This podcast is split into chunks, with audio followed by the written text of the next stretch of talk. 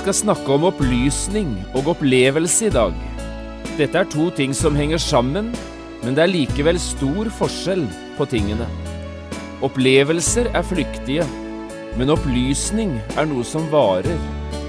Opplevelser kan du få alle steder, men opplysning får du bare ett sted, i Guds ord. Opplevelser er som sølv, men opplysning, det er gull.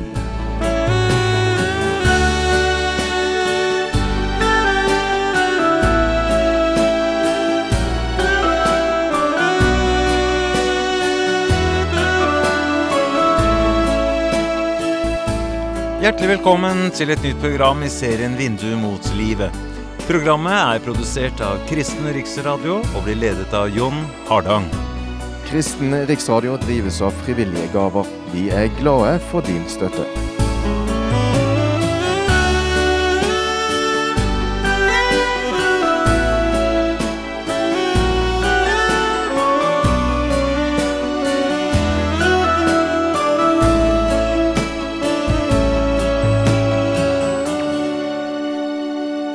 Vi skal i dag fortsette denne bibelundervisningsserien som vi har kalt Emmausveien.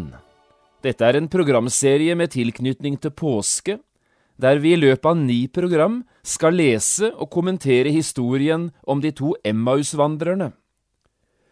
Det er Lukas som forteller denne historien i det siste kapittelet i evangeliet sitt. Vi skal i dag lese første delen av historien, som vi altså finner i Lukasevangeliet og kapittel 24. Vi leser sammen vers 13 til 27. Jeg har kalt dette andre programmet Opplysning og opplevelse. Og se, to av dem var samme dag på vei til en by som heter Emmaus, og ligger 60 stadier fra Jerusalem. Og de talte med hverandre om alt dette som var skjedd. Og det skjedde mens de samtalte og drøftet dette. Da kom Jesus selv nær til dem og slo følge med dem. Men deres øyne ble holdt igjen så de ikke kjente ham. Han sa til dem, Hva er det dere går og samtaler om på veien? De sto da stille og så bedrøvet opp. Den ene av dem, som heter Kleopas, sa til ham, er du den eneste av dem som oppholder seg i Jerusalem, som ikke vet hva som er skjedd der i disse dagene? Han sa til dem, Hva da? De sa til ham, Det med Jesus fra Nasaret, en mann som var en profet, mektig i gjerning og ord for Gud og hele folket, og hvordan våre ypperste prester og rådsherrer overga han til dødsdom og korsfestet han men vi håpet at han var den som skulle forløse Israel. Og nå er det alt tredje dagen siden disse ting skjedde. Men så har også noen av våre kvinner forferdet oss. Tidlig i dag morges var de ute ved graven, men de fant ikke hans legeme. Så kom de og fortalte at de hadde sett et syn av engler som sa at han lever. Noen av dem som var med oss, gikk da til graven. De fant det slik som kvinnene hadde sagt, men ham så de ikke. Da sa Jesus til dem, Så uforstandige dere er, og så trege i hjertet til å tro alt det som profetene har talt.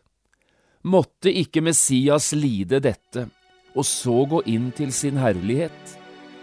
Og han begynte fra Moses og fra alle profetene, og utla for dem i alle skriftene det som er skrevet om Han.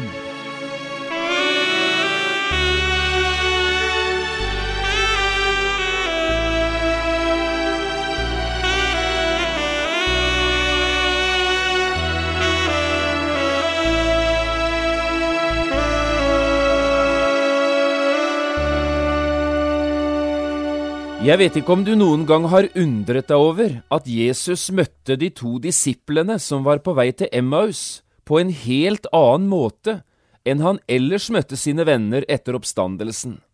For det gjorde han virkelig. De andre gangene den oppstandende Jesus møtte sine disipler, gjorde han det omtrent på samme måten. Han viste dem sine hender og sin side, etter først å ha møtt dem med sin fredshilsen. Og så sa han, Kjenn på meg, ta på meg, det er meg. En ånd eller et spøkelse er jo ikke av kjøtt og blod, slik som dere ser at jeg er det. Og så spiste han med dem og samtalte med dem, før han så forlot dem, like umerkelig som han hadde kommet. Og disiplene så på Jesus, på naglemerkene i hendene hans, på sårmerkene nede mellom sandalremmene, og på de friske sårene i pannen hans etter tornekransen. Og ingen av dem som virkelig fikk møte den oppstandende, var i tvil om at det virkelig var han. Flere ganger gjentok dette seg. Da han møtte Maria Magdalena utenfor graven, da han kom inn gjennom stengte dører om kvelden på første påskedag, inn i rommet der disiplene hadde gjemt seg bort av frykt for jødene, eller da han igjen åtte dager senere besøkte disippelflokken for særlig å ta seg av Thomas, tvileren, eller da han enda litt senere møtte sine disipler oppe ved Genesaretsjøen, tidlig en morgen etter en ny og mislykket fiskefangst. Alltid gjorde Jesus det på samme måten. Han viste seg for dem, talte til dem og viste omsorg mot dem, så de ikke skulle være i tvil om hvem han var, men kjenne han igjen. Jesus ga sine disipler i disse dagene de største av alle opplevelser. De fikk møte den oppstandende, ganske så personlig.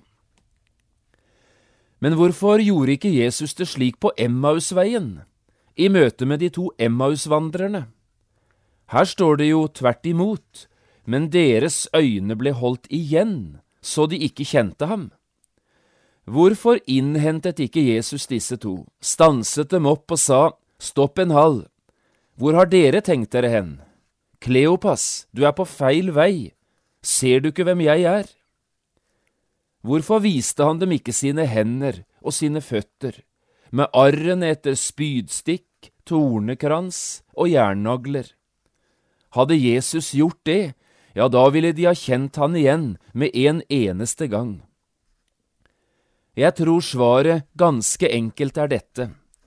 Denne dagen på Emmausveien ga Jesus disiplene ikke sølv, her ga han dem gull. Hver eneste gang Jesus ga sine disipler den store opplevelsen av å møte den oppstandende, hadde han med seg sølv. For store opplevelser er som sølv. De er verdifulle, men samtidig er dette noe som fort blekner og blir matt dersom du ikke stadig passer dem og pusser dem. Men Emmausveien, hit hadde Jesus med seg noe som er mer verdt enn sølv. Denne dagen kom han med gull. Jesus hadde nemlig med seg en lampe, de hellige skriftene i Det gamle testamentet. Og da Jesus tente denne fantastiske lampen, fikk de se alt som var skjedd med Jesus i et helt nytt lys. Mismot og fortvilelse forsvant som dugg for solen. I stedet for å gi dem en stor opplevelse, ga Jesus dem noe som er enda større. Han ga dem opplysning. Opplevelser er flyktige, men opplysning er noe som varer. Opplevelser kan du få alle steder, men opplysning får du bare ett sted, i Guds ord. Opplevelser er noe du får en og annen gang, sjeldnere eller oftere i livet, men opplysning kan du få hver eneste dag. Jo, opplevelser er sølv, men opplysning, det er gull. Du lengter kanskje etter et nytt møte med Jesus, du som sitter og lytter nå. Ikke vent på de store opplevelsene de er ofte både usikre og flyktige. Gå heller inn i lyset fra Guds lampe, inn i lyset fra Guds ord, og la Gud gjennom sitt ord få vise deg Jesus, både hvem han er og hva han har gjort, også for deg. La meg nå etter det vi her har sagt, få stille deg et lite spørsmål.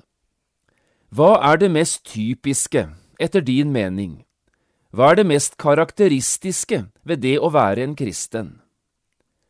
Jeg vet ikke hva du ville ha svart om du nå skulle svare høyt.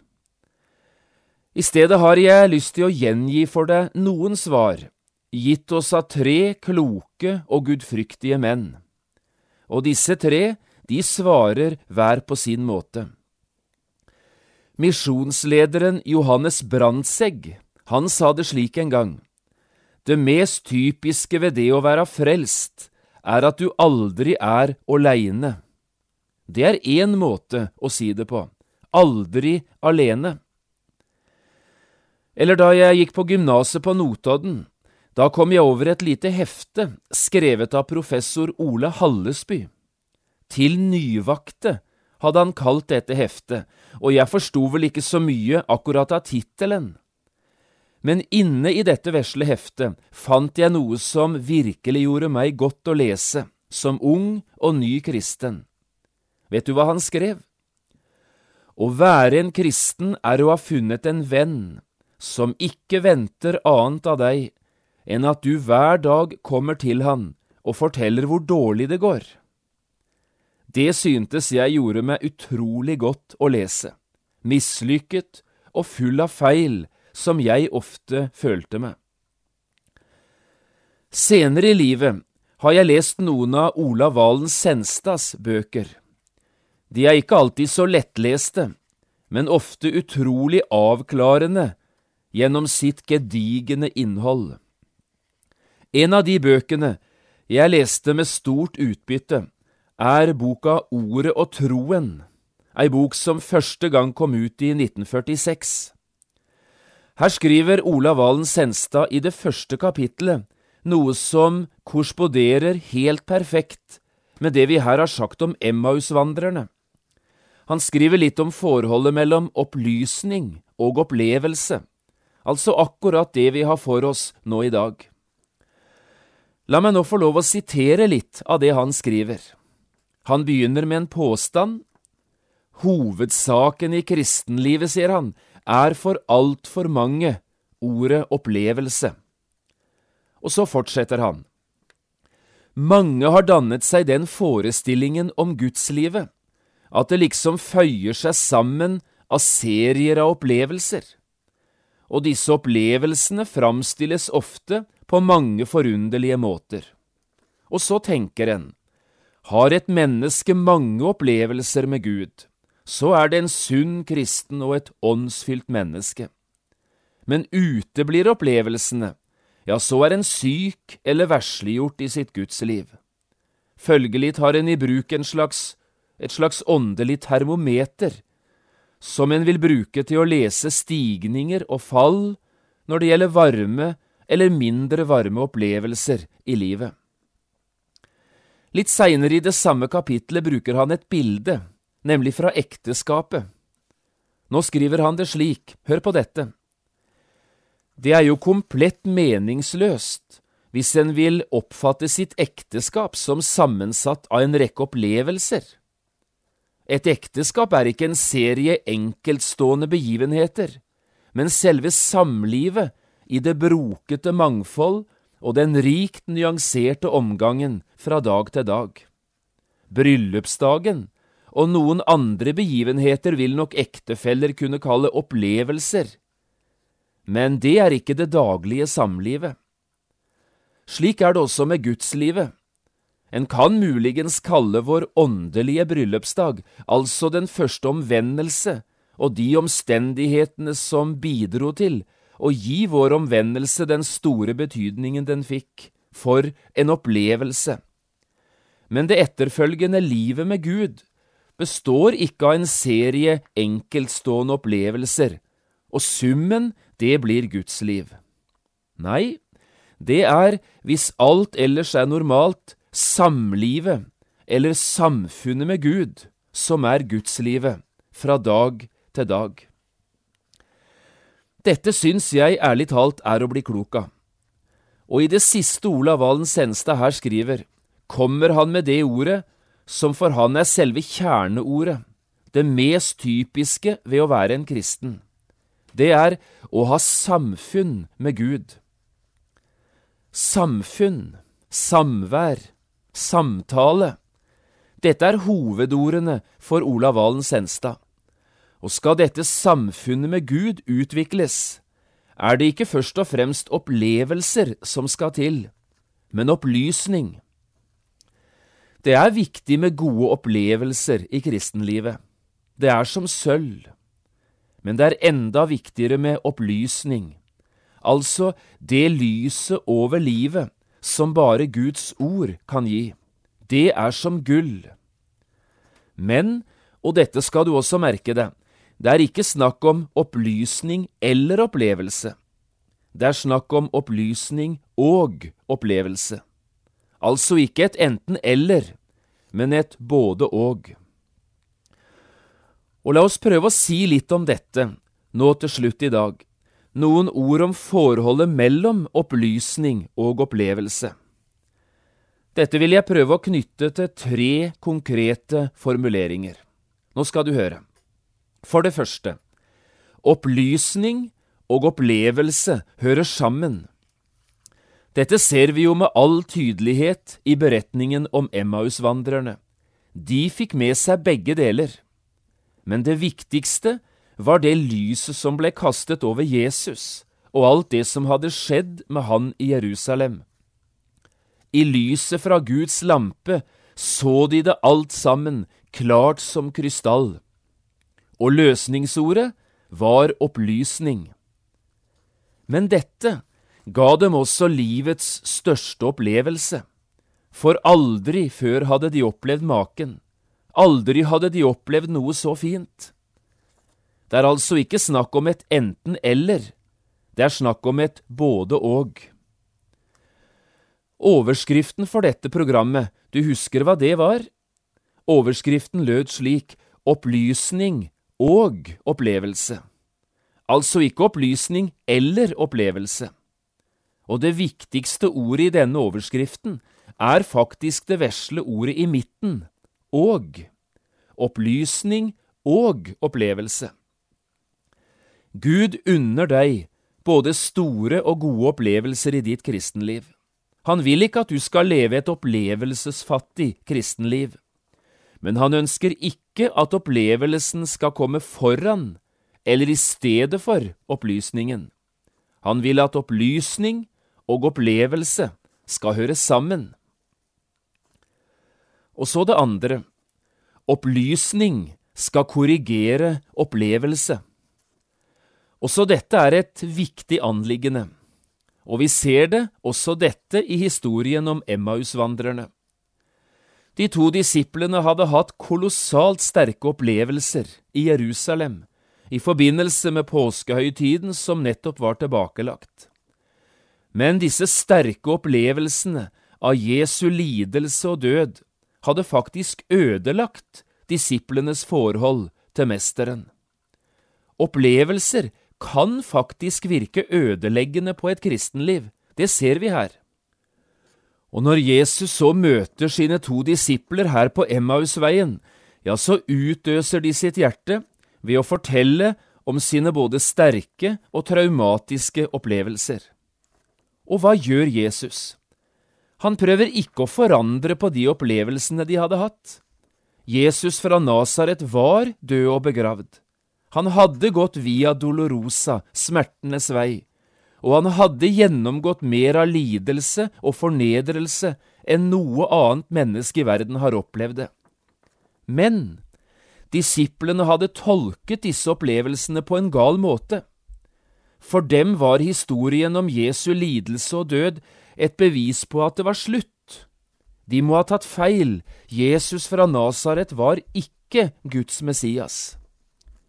Derfor tenner Jesus Guds lampe.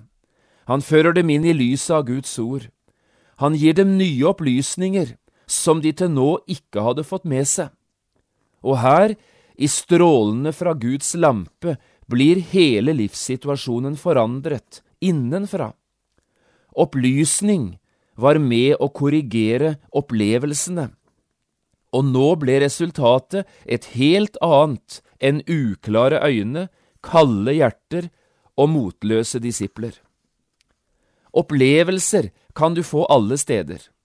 De kan være både sterke og gode, men de er svikefulle og flyktige, og har egentlig lite av varig hjelp å gi til motløse disipler eller fortvilte hjerter.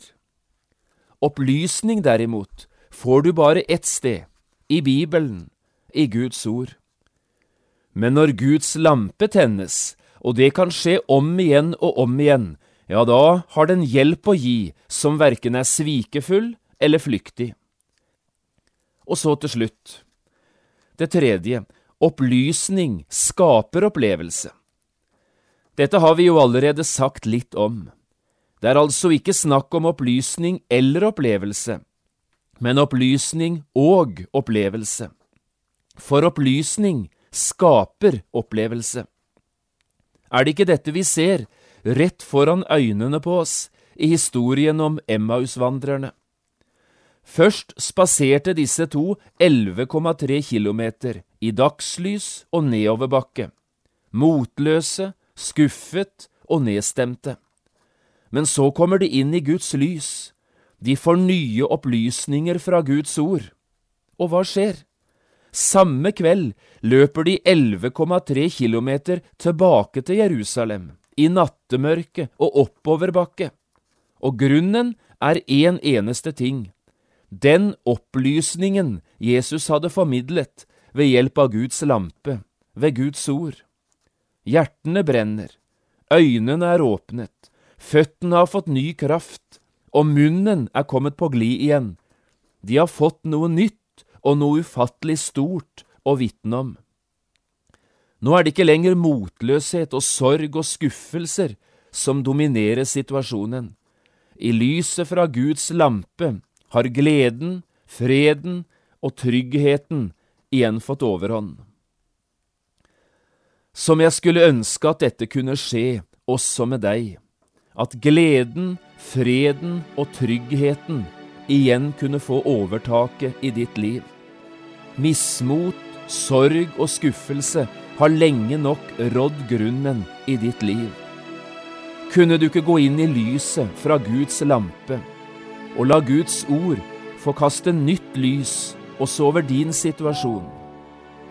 Nye opplysninger fra Guds ord kan skape nye opplevelser i en ellers kjedelig og grå hverdag. Emmausveien kan bli det store vendepunktet også i ditt liv.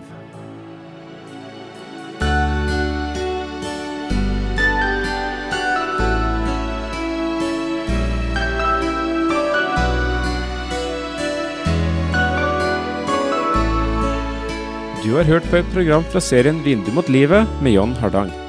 Programmer i denne serien kan også kjøpes på CD fra P7 Kristen Riksradio, eller høres på internett på p7.no. Har du spørsmål eller kommentarer til det du nå har hørt, kan du ta kontakt med oss på telefon. Da bruker du telefonnummer 56 32 17 01. Du kan også sende oss en e-post. Adressen er vml.krøllalfa.p7.no. Takk for i dag, og på gjenhør.